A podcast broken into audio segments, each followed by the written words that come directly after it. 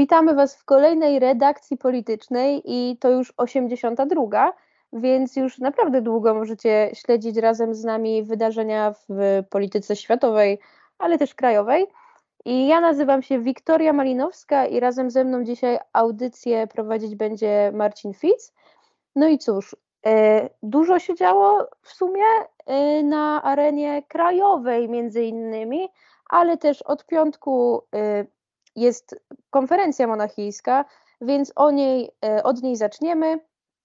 I może tak, mm, jest to 59. konferencja bezpieczeństwa i to spotkanie najważniejszych przedstawicieli państw.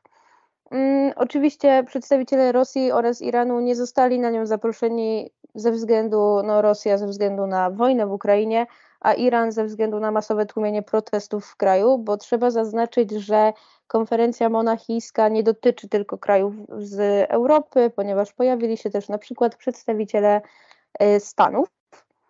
I e, jak możemy się domyślić, to e, konferencja głównie porusza temat wsparcia Zachodu i NATO dla Ukrainy. Trwa od piątku do dzisiaj, więc tak naprawdę trzy dni. I na ten moment mamy za sobą kilka wystąpień najważniejszych przedstawicieli państw, więc e, myślę, że razem z Marcinem przedstawimy właśnie Wam te najważniejsze mm, postulaty i takie wystąpienia, które padały w, podczas tych dwóch dni, bo dzisiaj zobaczymy, co jeszcze wypłynie do mediów.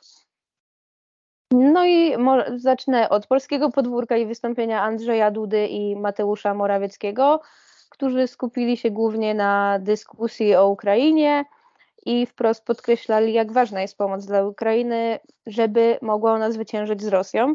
I nasz prezydent podkreślił, że to dzięki naszemu wsparciu Ukraina musi zwyciężyć, pokój musi wrócić i e, przestrzeganie prawa międzynarodowego też musi wrócić, więc e, Rosja musi zostać wyparta z okupowanych terenów na Ukrainie. I to może się stać tylko jeśli będziemy udzielać Ukrainie wsparcia.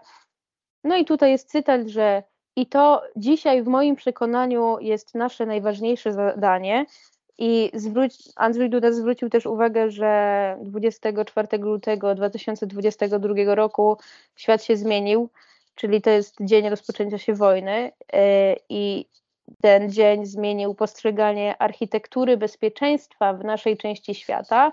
I tutaj znów cytacik. Dzisiaj będę dużo cytować ze względu na to, że te wypowiedzi naprawdę są ważne, bo wydaje mi się, że my ładnie podkreślamy ciągle tą pomoc, którą udzielamy Ukrainie i dzięki temu nie dość, że dobrze reprezentujemy swój kraj, kraj na arenie międzynarodowej, to jeszcze dobrze wypadamy w oczach innych państw. Chociaż wiadomo, że też tutaj chodzi o nasze bezpieczeństwo poniekąd. Więc y, kolejny cytat Andrzeja Dudy. Od tamtego czasu obserwujemy wojnę, jakiej na kontynencie europejskim nie widzieliśmy od II wojny światowej i mrzonki o tym, że można ułożyć relacje z Rosją, która wróciła do swoich imperialnych ambicji, która chce władać nad innymi krajami, która chce sobie podporządkować inne narody, rozpadły się jak domek z kart. I co o tym myślisz, Marcin? Czy naprawdę już Europa nie powinna w ogóle współpracować z Rosją? E, cześć Wam zresztą. To bardzo ciekawe też zagadnienie, jeżeli chodzi właśnie o tę konferencję monachijską bo tak jak sama powiedziałaś, to wcześniej była taka też platforma dyskusji, nawet właśnie tych zwaśnionych stron, a teraz przez to, że nie zaproszono ani, ani Rosji, ani Iranu, to tak naprawdę poza ewentualnie Chinami i Ameryką, bo tutaj też są przedstawiciele, e, no to, to rozmawiają ze sobą te kraje, które, które są zaprzyjaźnione. E, I z jednej strony pojawiają się takie wypowiedzi, jak tutaj naszego pana, pana premiera i pana prezydenta, a z drugiej strony podczas też tej konferencji wypowiadał się prezydent Francji Emmanuel Macron, który po pierwsze stwierdził, tu też cytat, Rosja nie może i nie powinna wygrać wojny, jej agresja musi zakończyć się niepowodzeniem. Nie możemy zaakceptować niezgodnego z prawem użycia siły, gdyż narusza to podwaliny bezpieczeństwa Europy i stabilność całego świata. Od dawna twierdzę, że nikt z nas nie zmieni geografii. Rosja zawsze będzie częstą kontynentu europejskiego, a co za tym idzie, trwały pokój nie jest możliwy bez konfrontacji z kwestią rosyjską. Więc jak widać, prezydent e, Francji podkreśla jednak, że, że cały czas trzeba mieć na względzie to, że, że no Federacja Rosyjska jest tym elementem, który cały czas będzie funkcjonował tutaj w świadomości też, też polityków. W związku z tym trzeba brać pod uwagę też ich stanowisko, myśląc o jakimś rozwiązaniu tej wojny czy zakończeniu wojny, które będzie rozwiązaniem stabilnym. Między innymi dlatego potem prezydent Macron dodał też, że, że negocjacje ewentualne, czy te rozmowy jego również nie są wyrazem kompromisu, lecz odpowiedzialności. Więc też pewnie e, ze względu właśnie na tę kwestię rosyjską i potem udział Rosji w, w ewentualnym zakończeniu e, wojny, w jakimś znalezieniu trwałego rozwiązania, jest kwestią, co do której różni politycy mają różne wizje.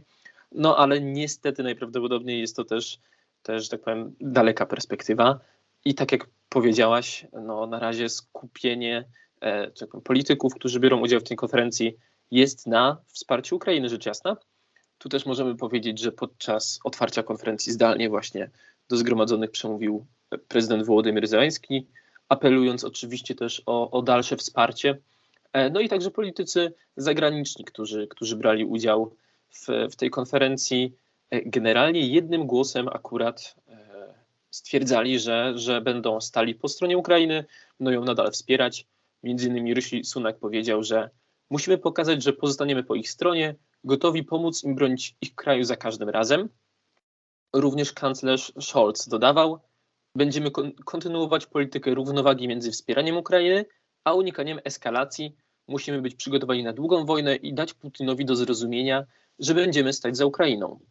Ta wypowiedź jak zwykle w takim bardziej koncyliacyjnym tonie, ale mimo wszystko każdy z tych polityków obecnych właśnie e, na konferencji dał tak naprawdę wyraz e, tego wsparcia dla Ukrainy i tego, że to wsparcie będzie nadal kontynuowane i że, i że ta Europa, jest to nie, nie tylko Europa, bo jak wiadomo, e, wiceprezydent Kamala Harris również była obecna, że, że kraje tej cywilizacji zachodniej, tak to nazwijmy, wspierają Ukrainę i będą ją wspierać nadal.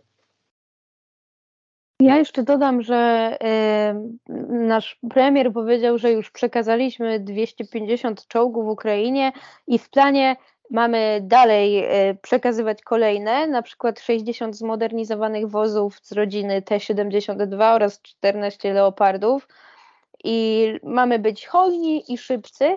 E, a co jeszcze y, dodam do wystąpienia Olafa Scholza, to na pewno to, że zostało poruszone E, trójkąt weimarski, gdzie kanclerz niemiecki powiedział, że no, ten trójkąt weimarski ma bardzo bogate tradycje i chcemy je w sumie kontynuować dzisiaj i nie tylko.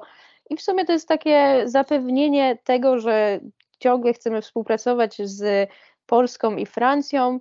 E, no i że nasze trzy państwa to świetnie ze sobą współpracują, oczywiście. Chociaż szczerze mówiąc, jednak Niemcy chyba najmniej pokazują taką dostatecznie mocną stronę tego, że należy y, bronić Ukrainy i Ukraina powinna wygrać, a Rosja przegrać. Tutaj raczej mamy powiedzenie takie, żeby był remis, powiedzmy, żeby Rosja się cofnęła, ale też nie, żeby nie osłabła za bardzo. Takie mam wrażenie, że jednak y, premier Niemiec i ogólnie Niemcy tak lekko podchodzą do, do tego i nie chcą wyrażać takiej ostrej, swojego zdania ostrego. Ale to chyba wszystko na temat konferencji monachijskiej i przejdziemy ładnie do spotkania dwóch innych przywódców w tym samym czasie. E, prezydenta Białorusi Aleksandra Łukaszenko oraz prezydenta Rosji Władimira Putina. Oczywiście w piątek, czyli w, ten, w tym samym czasie, gdy konferencja monachijska się rozpoczęła, to prezydent, e, prezydent, przywódcy Rosji i Białorusi spotkali się w podmorskiej rezydencji rosyjskiego prezydenta. I e, doniesienia mówią, że omówione zostały tam innymi kwestie gospodarcze, wojskowe, polityczne, a także rozwój rosyjsko-białoruskiego partnerstwa jednak, co jest właśnie dziwne w tym wszystkim, to to, że po spotkaniu nie wydano żadnego komunikatu i to ze strony i rosyjskiej, i białoruskiej, mm, a niektóre media podają, że od piątku nie wiadomo, co się w ogóle dzieje z prezydentem Białorusi i że mógł on zostać zmuszony do y, spotkania. Jednak y, no, na to jest tylko tak naprawdę jedno nagranie, takie dziwne, dziwna wymiana zdań, więc nie wiem, czy warto w to wierzyć. Chociaż rzeczywiście jest to dziwne, że nie ma żadnego takiego oficjalnego komunikatu, a wcześniej po takich spotkaniach jednak te komunikaty się pojawiały, więc zobaczymy, co dalej z tego wyniknie. E, ale w sumie to wszystko na ten temat. To był jednak taka, taka szybki news, żebyście wiedzieli, że nie tylko Zachód się spotyka. Ale ja też jeszcze a propos Białorusi, to dodam jedną rzecz, wydaje mi się też ciekawą, bo e, warto podkreślić w kontekście całej tej konferencji monachijskiej e, i Białorusi, że na konferencji monachijskiej nie pojawił się żaden przedstawiciel Węgier, pomimo oczywiście zaproszenia i tego, że, że Węgry oczywiście e, są zarówno w Unii Europejskiej, jak i w NATO, a w poniedziałek e, odbyła się pierwsza wizyta szefa dyplomacji jakiegokolwiek państwa Unii Europejskiej właśnie e, w Białorusi czy na Białorusi, jak to woli, odkąd Aleksander Łukaszenka sfałszował wybory prezydenckie w 2020 roku. No i też przeprowadził tak naprawdę tak powiem, rozprawił się zarówno z protestami, jak i e, opozycjonistami i przeciwnikami reżimu. No i właśnie Białoruś odwiedził szef MSZ Węgier, e, Peter Sziarto. Udał się z wizytą na Białoruś i spotkał się tam z szefem dyplomacji właśnie Łukaszenki i ministrem gospodarki Białorusi. No i jest to jednak też bardzo ciekawe i warte odnotowania, że dotychczas żaden polityk tak wysokiej rangi z państw Unii Europejskiej nie odwiedził Mińska od tego czasu właśnie 2020 roku. No a na konferencji e, bezpieczeństwa w Monachium, która odbywała się w tym samym tygodniu, pan minister Shiar to się nie pojawił. Dlatego wydaje mi się, że, to też warto zwrócić uwagę na to, jak Węgry w tym całym konflikcie i w tej całej sytuacji e, się zachowują. E, sam pan minister stwierdził właśnie, że, że po pierwsze wojna w Ukrainie zaostrza się, ale, ale życie człowieka trzeba ratować w sposób pokojowy i Węgry oczekują, że wszyscy członkowie społeczności międzynarodowej będą jak najszybciej działać e, właśnie na rzecz tego pokoju i między innymi dlatego kanały łączności powinny być otwarte. W taki sposób uzasadniał swoją wizytę, wizytę w Mińsku e, i stwierdził, że gdyby, gdyby Węgry nie działały w ten sposób, to e, nie mogłyby też przekazać dzisiaj apelu do pokoju. Więc to jest jedna ciekawa rzecz, a druga też w kontekście właśnie węgierskim i zachowania Węgier e, w sobotę odbyło się coroczne przemówienie Wiktora Orbana. E, tak naprawdę, czy, czy Wiktor Orban rządzi, czy jest w opozycji co roku, właśnie wygłasza takie przemówienie do swoich, do swoich sympatyków. E, w tym roku to przemówienie oczywiście dotyczyło też kwestii właśnie bezpieczeństwa i pokoju, no a także inflacji, bo przypomnijmy, że na Węgrzech ta inflacja przebija też tę generalnie średnią w Unii Europejskiej, jest jedną, jest jedną z najwyższych. E, I Viktor Orban po pierwsze e, stwierdził, że NATO oczywiście nie jest sojuszem wojennym, ale niektórzy chcą iść na tę wojnę i że to Węgry są tak naprawdę tym krajem, który oczekuje pokoju i że dlatego właśnie prowadzi swoją politykę tak, jak prowadzi. No i cały świat zachodni oprócz Węgier stoi po, strony, po stronie wojny i że powinien zmienić swoją politykę wobec Rosji. Takie oczekiwania formułował Viktor Orban, stwierdzając też, że Rosja nie stanowi realnego zagrożenia dla NATO, co pokazał obecny stan jej armii. W związku z tym e, powinniśmy tak naprawdę, my jako Zachód, cywilizacja zachodnia, zaprzestać takich działań, mniej wspierać Ukrainę, ponieważ tak naprawdę e, to, to my jako właśnie Zachód, jako Europa toczymy tę pośrednią wojnę, dostarczamy broń i finansujemy Ukraińców. E, no a także e, Viktor Orban odnosząc się jeszcze właśnie do tej inflacji, która panuje na Węgrzech, e, do tej sytuacji, która jest, która jest tak naprawdę ekonomiczna bardzo zła, stwierdził właśnie, że, że kryzys, inflacja to tak naprawdę efekt tych unijnych sankcji, które stosowane są wobec, wobec Rosji. Dlatego Unia Europejska i szeroko Europa powinny zrewidować swoją politykę e, i ją zmienić. No i to, to Węgry właśnie e, są tym krajem, który tak naprawdę daje przykład, jak powinno się zachowywać w trakcie kryzysu. Dlatego zarówno te przemówienie, jak i właśnie wizyta e, ministra spraw zagranicznych w Mińsku na Białorusi też powinny dać nam do myślenia i myślę, że powinniśmy przyglądać się jednak bacznie temu, co się dzieje na Węgrzech, bo jest to mocno niepokojące, że w ramach naszych struktur e, aż takie siły odśrodkowe tutaj jednak prorosyjskie to już pozostawiam każdemu do oceny, czy można takie nazwać, no ale siły, które, które odłączają się od, od takiego e, głównego stanowiska politycznego, działają i właśnie są coraz, tak to powiem, aktywniejsze. I na tym zakończymy temat konferencji monachijskiej. Mam nadzieję, że dzięki nam słuchacze trochę bardziej zaznajomili się z tematem i przejdziemy już naprawdę do polskiej ziemi, polskiej polityki i straszeniem ekodyktaturą, bo to naprawdę spodobało mi się to słowo, ekodyktatura. I o co w tym wszystkim chodzi? E, no więc mamy taką organizację C40 CTS i to jest Stowarzyszenie Burmistrzów blisko, blisko 100 miast z całego świata.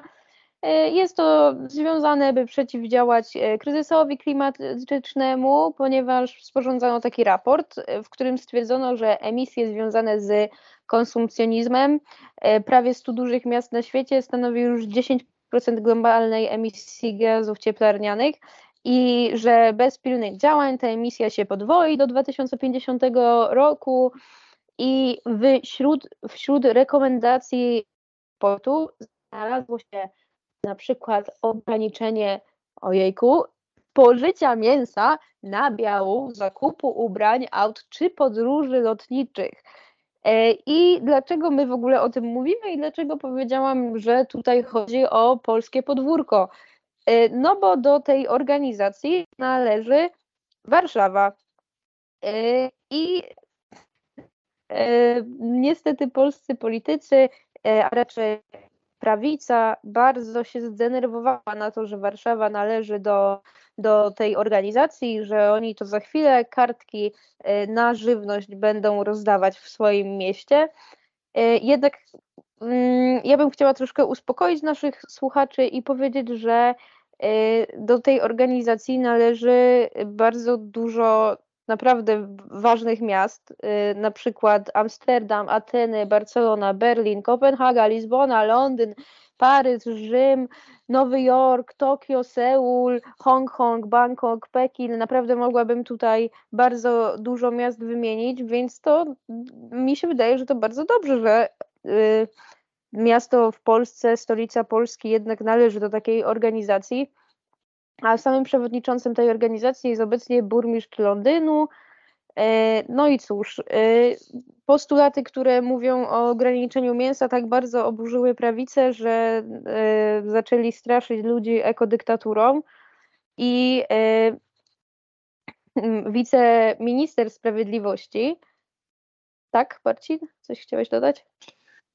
No tak naprawdę możemy jeszcze dodać, że po pierwsze, rzeczywiście Kraków nie jest na tej liście, bo to są te miasta, które wypracowują prawie 20% światowego PKB, więc nie wiem, czy was to może smucić, czy, czy ucieszyć. E, ale tak jak powiedziałeś, Wiktorio, to, to po pierwsze to ten raport jest raportem naukowym, który został opracowany przez właśnie naukowców z Leeds i to jest tak naprawdę takie opracowanie rekomendacji, opisanie wniosków, które, które mają na celu pomóc właśnie zwalczać kryzys klimatyczny i dążyć, aby, aby do tego, aby osiągnąć neutralność klimatyczną, czy utrzymać globalne ocieplenie na poziomie tego 1,5 stopnia Celsjusza. No i wydaje mi się, że najważniejsze to, co chciałem dodać, to jest to, że ten raport ukazał się w 2019 roku. Więc tak naprawdę przez te ostatnie 4 lata funkcjonował najwidoczniej w jakiejś próżni. W każdym razie przeszedł bez echa i nie podjęto w ogóle tego tematu, tym bardziej, czy ani to w mediach, ani politycy tego tematu nie podjęli. No i dopiero w tym tygodniu, 14 lutego, temat zyskał na popularności, a wszystko dzięki publikacji artykułów w dzienniku Gazecie Prawnej, który właśnie, tak jak powiedziałaś, opisał te, te propozycje. No i potem już ruszyła lawina. Ja też śledziłem rzeczywiście media publiczne, zarówno polskie radio, jak i, jak i telewizję polską. E, I przejęcie, które tam zapanowało, jest rzeczywiście niesamowite. I rzeczywiście zestawiano te propozycje, o których sama tu powiedziałaś, z tym, jak jest obecnie, czyli jak na przykład wygląda średnie spożycie mięsa. No i w Polsce jest to ponad 70 kg mięsa rocznie. No a tutaj propozycja jest spożywania najwyżej tych 16 kg, a w ambitnym wariancie oczywiście wykluczenie z diety zarówno mięsa, jak i nabiału. No a na nabiału na przykład Polacy spożywają 200 kg rocznie. E, jest na przykład w Polsce samochodów ponad 600 na 1000 mieszkańców, a w tym raporcie propozycja jest, aby, aby ta, ta liczba samochodów została zmniejszona co najwyżej do 190.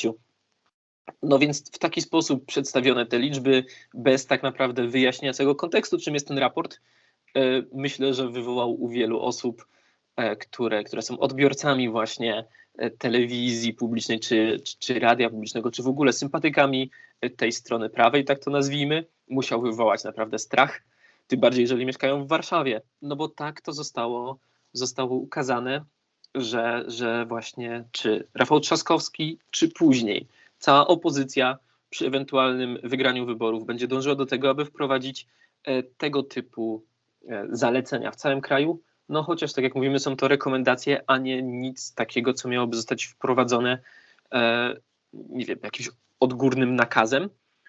No ale stało się to, tak jak już też stwierdziliśmy, takim przekazem tego tygodnia, jeżeli chodzi o polityków PiS, no bo tak naprawdę jest to idealny temat zastępczy. Więc nie wiem, Wiktorio, może masz jakieś przykłady? Ja też zaraz na pewno kilka wymienię, które sobie tu wypisałem, ale oddaję Ci głos.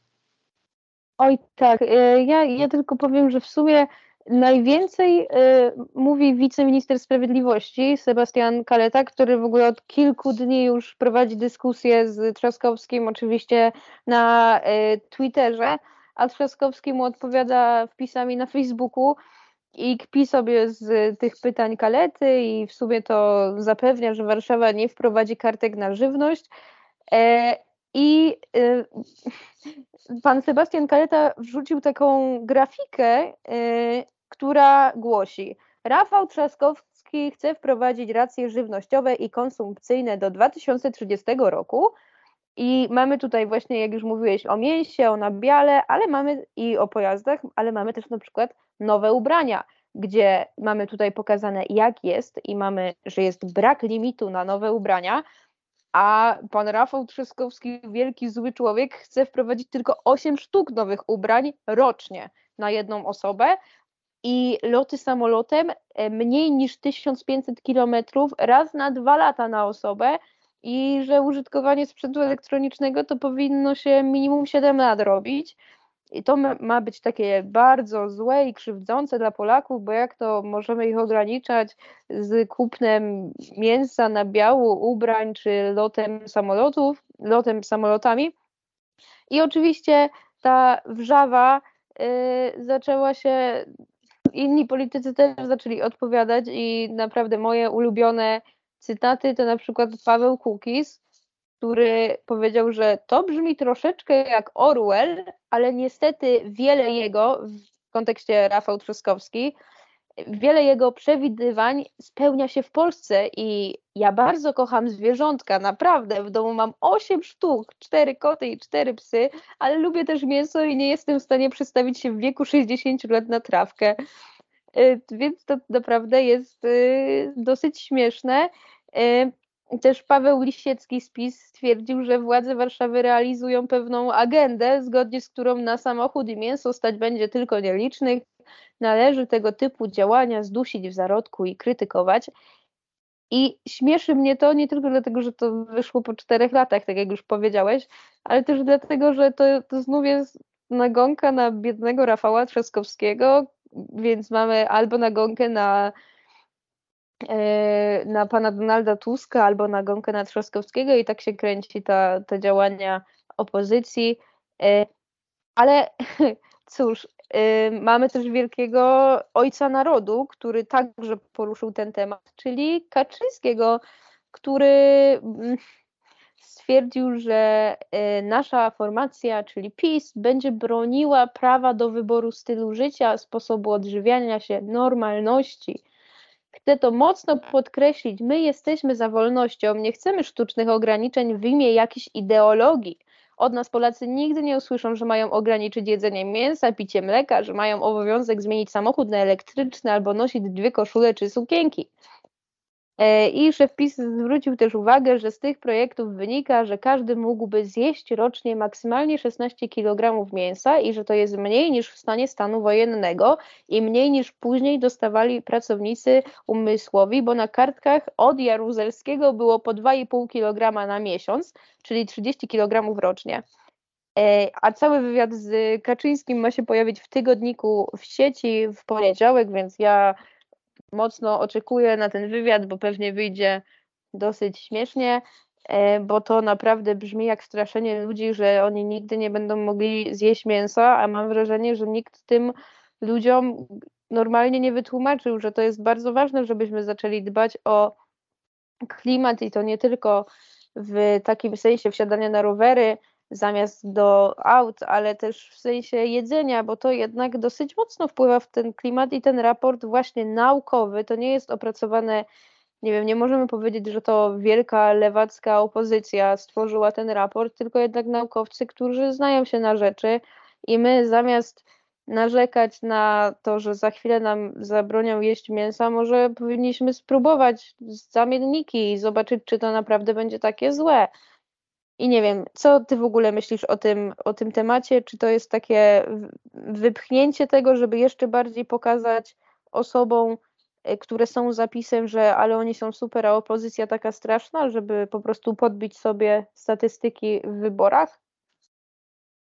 E, ja generalnie też ze względu na moje poglądy zgadzam się z tym wszystkim, w sensie mówię o raporcie i o, i o pomysłach, e, które są przedstawiane, czyli że to są cele, do których powinniśmy dążyć, tylko sam też tak się zastanawiam, czy potem przedstawianie tego w taki sposób nie sprawia właśnie, że cały ten temat staje się trochę wyśmiewany, czy nie jest to trochę potem takie prześmiewcze, że znając właśnie też realia, są to rzeczy przedstawione w taki sposób, E, oczekując coś od konkretnej osoby, od takiego szarego człowieka, a nie tylko nie ma przedstawianego też wpływu, nie wiem, dużych korporacji i tak dalej, i tak dalej, i tak dalej. E, no i właśnie tak naprawdę taka osoba, która siedzi sobie, czyta o tym, ma jakiś swój, swój styl życia, ma teraz taki odbiór, że chcą jej coś narzucić siłą, bez tak naprawdę wytłumaczenia, przedstawienia. No ale to jest właśnie kwestia, kwestia manipulacji i tego, że pojawił się rzeczywiście taki piękny temat, który politycznie w roku wyborczym, dodajmy, jest idealny do wykorzystania, no bo właśnie tutaj Prawo i Sprawiedliwość jest e, obrońcą tego tradycyjnego stylu życia, tego normalnego w cudzysłowie, a, a są ludzie, którzy, którzy mieliby chcieć go odebrać, no chociaż właśnie odebrać go nie chcą, dodajmy, to też zaraz jeszcze zacytuję Rafała Trzaskowskiego, który, e, że tak powiem, musiał się niestety tłumaczyć. E, no ale całość rzeczywiście polega na tym, że, że walka E, o neutralność klimatyczną, czy walka z kryzysem klimatycznym potem niestety e, też w Polsce stała się tak podzielona, czyli, czyli nie mamy czegoś takiego jak ta zielona prawica, tak to nazwijmy, a każdy taki temat przedstawiany pewnie właśnie w sposób, ja uważam przynajmniej, za mało przystępny, za bardzo taki właśnie narzucający drugiemu człowiekowi w odbiorze zmianę życia, no jest, jest wykorzystywany i wyśmiewany i to w taki sposób skrajny. Mnie na przykład to bardzo uderzyło, chociaż mam świadomość brutalizacji tego dyskursu publicznego, ale na przykład sekretarz generalny Prawa i Sprawiedliwości, pan Krzysztof Sobolewski w pierwszym programie Polskiego Radia wypowiadał się, można powiedzieć, że to taki program Korea Północna Plus. Dążenie lewackich ideologii do ideału, czyli Korei Północnej, gdzie samochód jest towarem luksusowym lub go nie ma. Ubrania są zazwyczaj nie nowe, tylko używane i w ograniczonych ilościach, a pokarm spożywa się rzadko.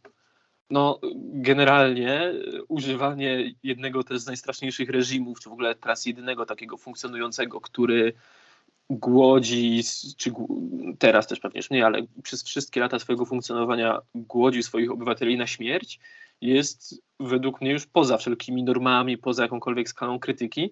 I zrobienie z takiego tematu takiej właśnie tak naprawdę politycznej e, tutaj bitwy mnie osobiście śmieszy, ale też rzeczywiście rozumiem, że tak realistycznie biorąc pod uwagę, to dla Prawa i Sprawiedliwości jest to świetna tak naprawdę opcja do tego, żeby, żeby trochę nadrobić w sondażach. Tu już przytoczyłaś też słowa prezesa Kaczyńskiego, który nawet się do tego odniósł, e, no ale między innymi odniósł się do tego Zbigniew Ziobro, pisząc na swoim Twitterze, lewactwo to zaraza XXI wieku. Hiszpanie pozwolili dzieciom zmieniać płeć na żądanie, teraz legalizują zoofilię, a za użycie łapki na szczury grozić ma więzienie. U nas lewacki wirus też krąży. Zarażony Trzaskowski chce już zakazywać jeść mięso. No i to też świetne porównanie. Naprawdę, jeżeli chodzi o, o poziom dyskursu w Polsce i w ogóle takich narracji przyjmowanych, e, wydaje mi się, że do wyborów najbliższych i pewnie po wyborach również, bez względu na ich wynik, będziemy zaskakiwani coraz to nowszymi, coraz to lepszymi porównaniami. No i również ci politycy wolnościowi e, odnieśli się do, do całego tematu, do całego raportu. Sławomir Mencen napisał na swoim Twitterze, ten ambitny cel Trzaskowskiego to mi Sowiety przypomina. Przy czym Stalinowi wyszło to przypadkiem i raczej nie był z tego dumny, a ci wprost mówią, że do tego zmierzają. E, więc jak widać, tutaj również dołączyła się ta strona e, skrajnej prawicy, która broni tutaj rzeczywiście wolności, przynajmniej tak deklaruje. E, a w TVP i w mediach publicznych, tak jak też już mówiłem, ten temat jest tak naprawdę tematem tygodnia. Cały czas pojawia się i zarówno to w głównym wydaniu wiadomości, jak i w programach TVP Info. I wypisałem sobie kilka takich narracji, kilka belek. Pierwsze to jest opozycja chce zakazać Polakom jeść mięso i zaleca jedzenie robaków. Propozycje programowe opozycji dla Polaków robaki zamiast mięsa, ideologiczna tęsknota za kartkami i reglamentacją, opozycja, jedzcie robaki zamiast mięsa, Trzaskowski zabroni Polakom jeść mięso. Więc tu warto jeszcze dodać, że to odniesienie do robaków dotyczy tego, że Unia Europejska umożliwiła sprzedaż mąki z, z robaków na, na swoim terenie i chociaż nikt nie każe jej nikomu jeść, to już właśnie umożliwienie E, tak naprawdę sprzedaży czy dystrybucji na terenie Unii Europejskiej takiego rodzaju wyrobu e, no, spotkało się właśnie też z poczuciem wielkiego zagrożenia. Nie wiem, czy to też lewactwo jest. Wydaje mi się, że, że w takich narracjach to również jest e, odbierane jako lewactwo. No i warto tutaj jeszcze tylko na koniec przytoczyć tak naprawdę wypowiedzi Rafała Trzaskowskiego.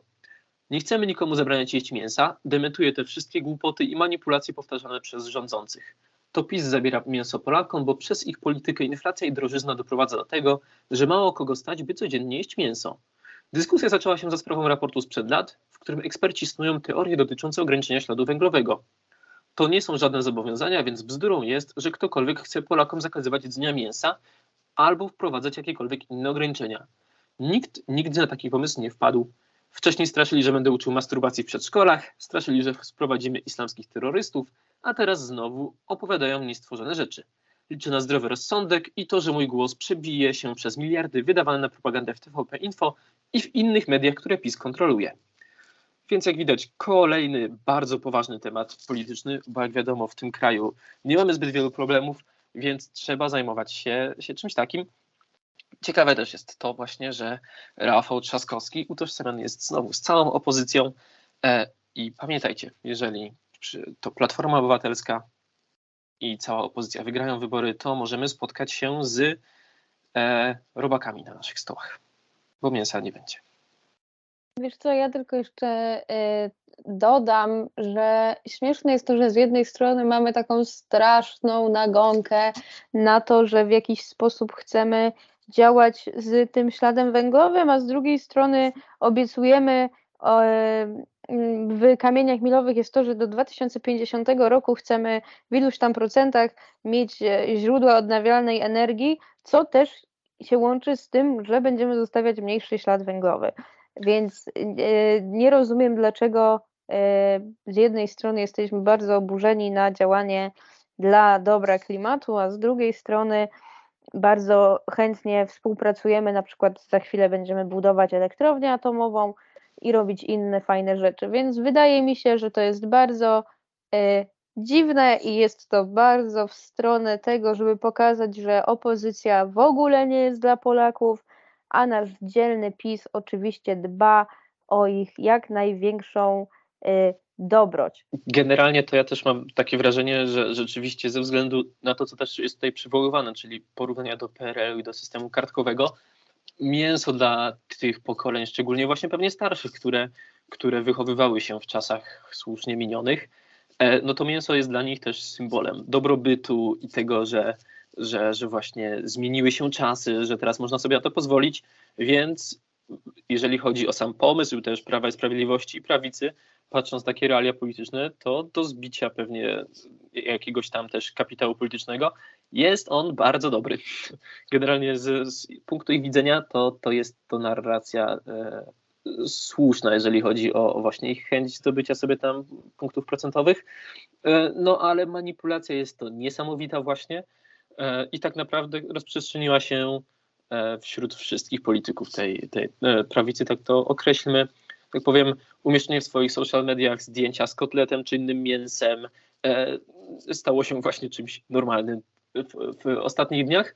No a co ciekawe, no właśnie na tym mięsie tak naprawdę całość była, była skoncentrowana. Tutaj już e, loty czy, czy ubrania nie są tak ważne, najważniejsze jest mięso.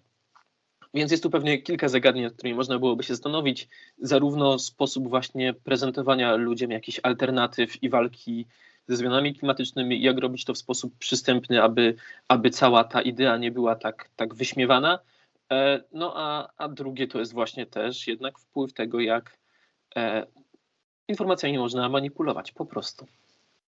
Ale to też jest y, dobry przykład tego, że tak naprawdę opozycja nie za bardzo wie, jak odpowiadać na takie ataki. I ja rozumiem, że prawica i nasi rządzący mają bardzo dużą możliwość manipulowania opinią publiczną, ale z drugiej strony oprócz no, mocnej odpowiedzi Trzaskowskiego, która jest prosta i trafiająca do ludzi, to nikt z opozycyjnej y, strony nie, nie obrał właśnie tak samo y, tłumaczenia ludziom, że to w ogóle nie o to chodzi i właśnie wyparcia tej sytuacji na swoją stronę, powiedzmy, i zyskania w tych y, sondażach, ponieważ opozycja na razie nie ma tak naprawdę żadnego programu, oprócz mówienia, że oni po PiSie posprzątają i że będzie lepiej. A to też by była sytuacja, w której mogliby powiedzieć e, do społeczeństwa, że o, o co w ogóle chodzi i dlaczego to jest takie ważne, bo mi się wydaje, że Polakom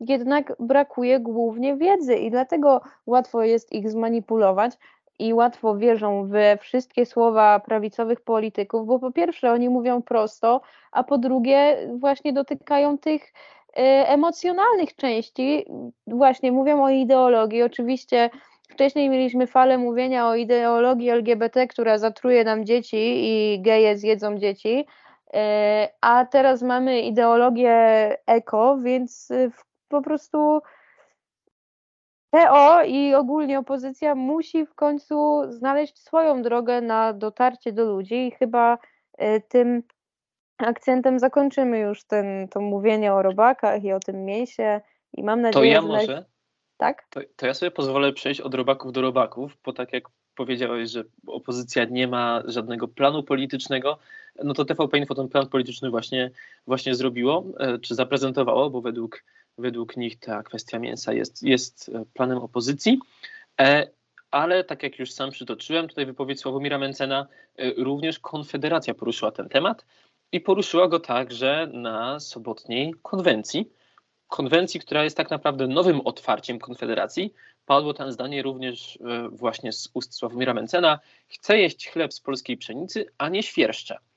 E, I wydaje mi się, że powinniśmy też poświęcić trochę uwagi temu, co wydarzyło się w ostatnim tygodniu, e, bo bardzo dużo wskazuje na to, że Konfederacja może być tym języczkiem uwagi już po wyborach parlamentarnych, które się zbliżają, e, ale od początku. W ostatnim tygodniu doszło już oficjalnie do rozłamów Konfederacji. W zeszły piątek został z niej wyrzucony Artur Dziambor. I teraz tak, najpierw stanął on przed sądem partyjnym, i zarzucono mu, że jego wypowiedzi szkodzą partii i że zbyt pochlebnie wypowiada się o politykach z innych ugrupowań opozycyjnych. E, no a takim tak naprawdę najpoważniejszym zarzutem było to, że prawybory Nowej Nadziei porównał do putinowskiego referendum w Donbasie. E, następnie po wyrzuceniu już Artura Dziambora, który stał się szefem wolnościowców, który był prezesem wolnościowców, czyli tego jednego z ugrupowań składających się na Konfederację, odeszli z niej dwaj pozostali posłowie wolnościowców, czyli Jakub Kulesza i Dobromir Sośnierz. No i w poniedziałek poinformowali o swojej decyzji, e, a także, co za tym idzie, o utworzeniu nowego koła poselskiego w Sejmie. E, Artur Dziambor w trakcie tego swojego, e, tak powiedzmy, właśnie procesu sądowego w ramach, w ramach Konfederacji nie zgodził się z zarzutami mu tutaj postawionymi. A w sam poniedziałek, właśnie podczas konferencji prasowej, Jakub Kulesza przypomniał, że wniosek o wyrzucenie Dziambora z partii złożył radny Konfederacji Bartłomiej Pejo, który jest zięciem Janusza Korwin-Mikkego i ocenił, że radnym Konfederacji jest on tylko tak z nazwy, a nie z czynów, bowiem ściśle współpracuje z PiSem w Świdnicy, będąc wicestarostą e, partii Jarosława Kaczyńskiego. e, Dobromir Sośnierz stwierdził, że jest to koniec Konfederacji, jaką znamy, na jaką się umawialiśmy i dodał tutaj, najbardziej merytoryczni posłowie są z niej usuwani, Konfederacja dostała się pod but triumviratu Braun, Mencen, Winnicki. No więc tak, to jest efekt końcowy, czyli wyrzucenie posłów z Konfederacji, czy wyrzucenie jednego posła i wystąpienie dwóch. I gdzie się zaczęły te wewnętrzne podziały? Tak naprawdę powinniśmy przenieść się do marca 2022 roku, gdy posłowie Dziambor, Kulesze i Sośnierz odeszli z partii Korwin w proteście wobec prorosyjskich wypowiedzi ówczesnego lidera tej partii, Janusza Korwin-Mikkego, ale zostali oni w Konfederacji, porozumieli się w Radzie Liderów, czyli tym organie, który, który Konfederacją zarządza i mieli zagwarantowane w ramach tej umowy pierwsze miejsca na listach wyborczych Konfederacji do parlamentu w tych okręgach, z których dostali się do obecnego parlamentu. No i tak naprawdę e, prawdopodobnie właśnie na tym najbardziej im zależało, aby ten nowy twór wolnościowcy mieli zagwarantowane miejsce na listach. Ale to, co najważniejsze, wydarzyło się w tym okresie nam bliższym. W październiku zmienił się lider partii Korwin.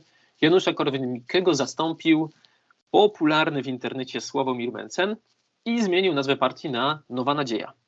Nowy prezes padł na pomysł przeprowadzenia prawyborów, które miałyby ustalić liderów list i odbyło się to rzeczywiście, także mimo tej wcześniejszej obietnicy, która zagwarantowała miejsca wolnościowcom. Wolnościowcy zażądali gwarancji tych miejsc, której, której partia e, wcześniej, których partia wcześniej obiecała, ale tej gwarancji im tym razem nie udzielono. E, wolnościowcy tak naprawdę uznali, że nie będą uczestniczyć w, w tych wyborach. Krytykowali je też za to, w jaki sposób zostały przeprowadzone. W środowisku Konfederacji pojawiło się bowiem właśnie wiele zarzutów dotyczących nieuczciwości tych wyborów. I teraz krótko jeszcze o tym, w jaki sposób one były przeprowadzane. Przeprowadzane były w 20 okręgach i aby zagłosować w tych, w tych e, prawyborach, trzeba było się zarejestrować i wpłacić kwotę 20 zł od jednej osoby głosującej. I zdaniem wolnościowców ta forma organizacji prawyborów e, była formą sprzedaży miejsc na liście, bowiem kandydat na kandydata, tak go nazwijmy, miał wpłacić 2,5 tysiąca złotych, no a każdy głosujący właśnie te 20 złotych. Pojawiły się także zarzuty dotyczące tego, że osoby, które wpłaciły tę kwotę 20 złotych, i musiały się udać na miejsce głosowania na to spotkanie z potwierdzeniem przelewu, mogły kilkukrotnie zagłosować e, w ramach tego jednego przelewu, że nikt w ten sposób nie odnotowywał imienia ani nazwiska tej osoby e, i oczywiście nie wiadomo, czy odbyło się to we wszystkich okręgach, ale stwierdzono przynajmniej w jednym, e, przepraszam, przynajmniej w dwóch takie wydarzenia. I pojawiły się także jeszcze jedne zarzuty dotyczące zliczenia głosów. Mężów zaufania niektórych z kandydatów nie dopuszczono do procedury otwarcia urn. No a w okręgu legnickim doszło do dużego zamieszania. Gdy komisja wyborcza ogłosiła zwycięstwo przewagą jednego głosu pana Iwaszkiewicza nad panem Szumiłą, e, wówczas działacze zaczęli domagać się ponownego przeliczenia głosów, bowiem no, jeden głos to jest też, tak powiem, normalne, że można pomylić się w liczeniu. E, I padły w tym momencie oskarżenia o fałszerstwa. Nie dopuszczono mężów zaufania do, do ponownego przeliczenia głosów, więc uznano, że głosy powinny zostać przeliczone w centrali partii w Warszawie. E, jednak urna dotarła tam zapieczętowana inaczej niż na zdjęciach z Legnicy. W związku z tym zadecydowano, że na jedynkę, że jedynka tamtejszej partii wskaże prezes partii i zapowiedziano również wyciągnięcie konsekwencji wobec osób odpowiedzialnych za te zamieszanie. E, I tak naprawdę wyłoniono we wszystkich, poza tym jednym okręgiem, kandydatów na, na liderów, bo to oto tak naprawdę rozgrywały się te, te prawybory. E, co ciekawe, jeżeli żaden z kandydatów nie zdobył połowy głosów, to nie odbywała się druga tura pomiędzy dwoma kandydatami, a ci, którzy, tak powiem, nie byli w najlepszej dwójce, przekazywali swoje głosy konkretnym osobom. No ale właśnie wolnościowcy uznali, że, że są to generalnie wybory, które prawdziwymi wyborami nie są, tylko jakimś rodzajem takiej satyry. Dlatego porównano je między innymi do tych e, referendów, które były przeprowadzone w Donbasie. E, i w taki sposób Konfederacja w nowym kształcie w sobotę rozpoczęła tak naprawdę swoją kampanię wyborczą. Pod hasłem Oddamy Wam Polskę odbyła się pierwsza konwencja. E, I jak stwierdzono, to początek kampanii, która ma na celu oddanie Polski Polakom. Bowiem według polityków Konfederacji ugrupowanie właśnie stwierdza, że, że Polska jest zawłaszczona przez te główne siły polityczne oraz, co nie jest absolutnie zaskakujące, przez Unię Europejską.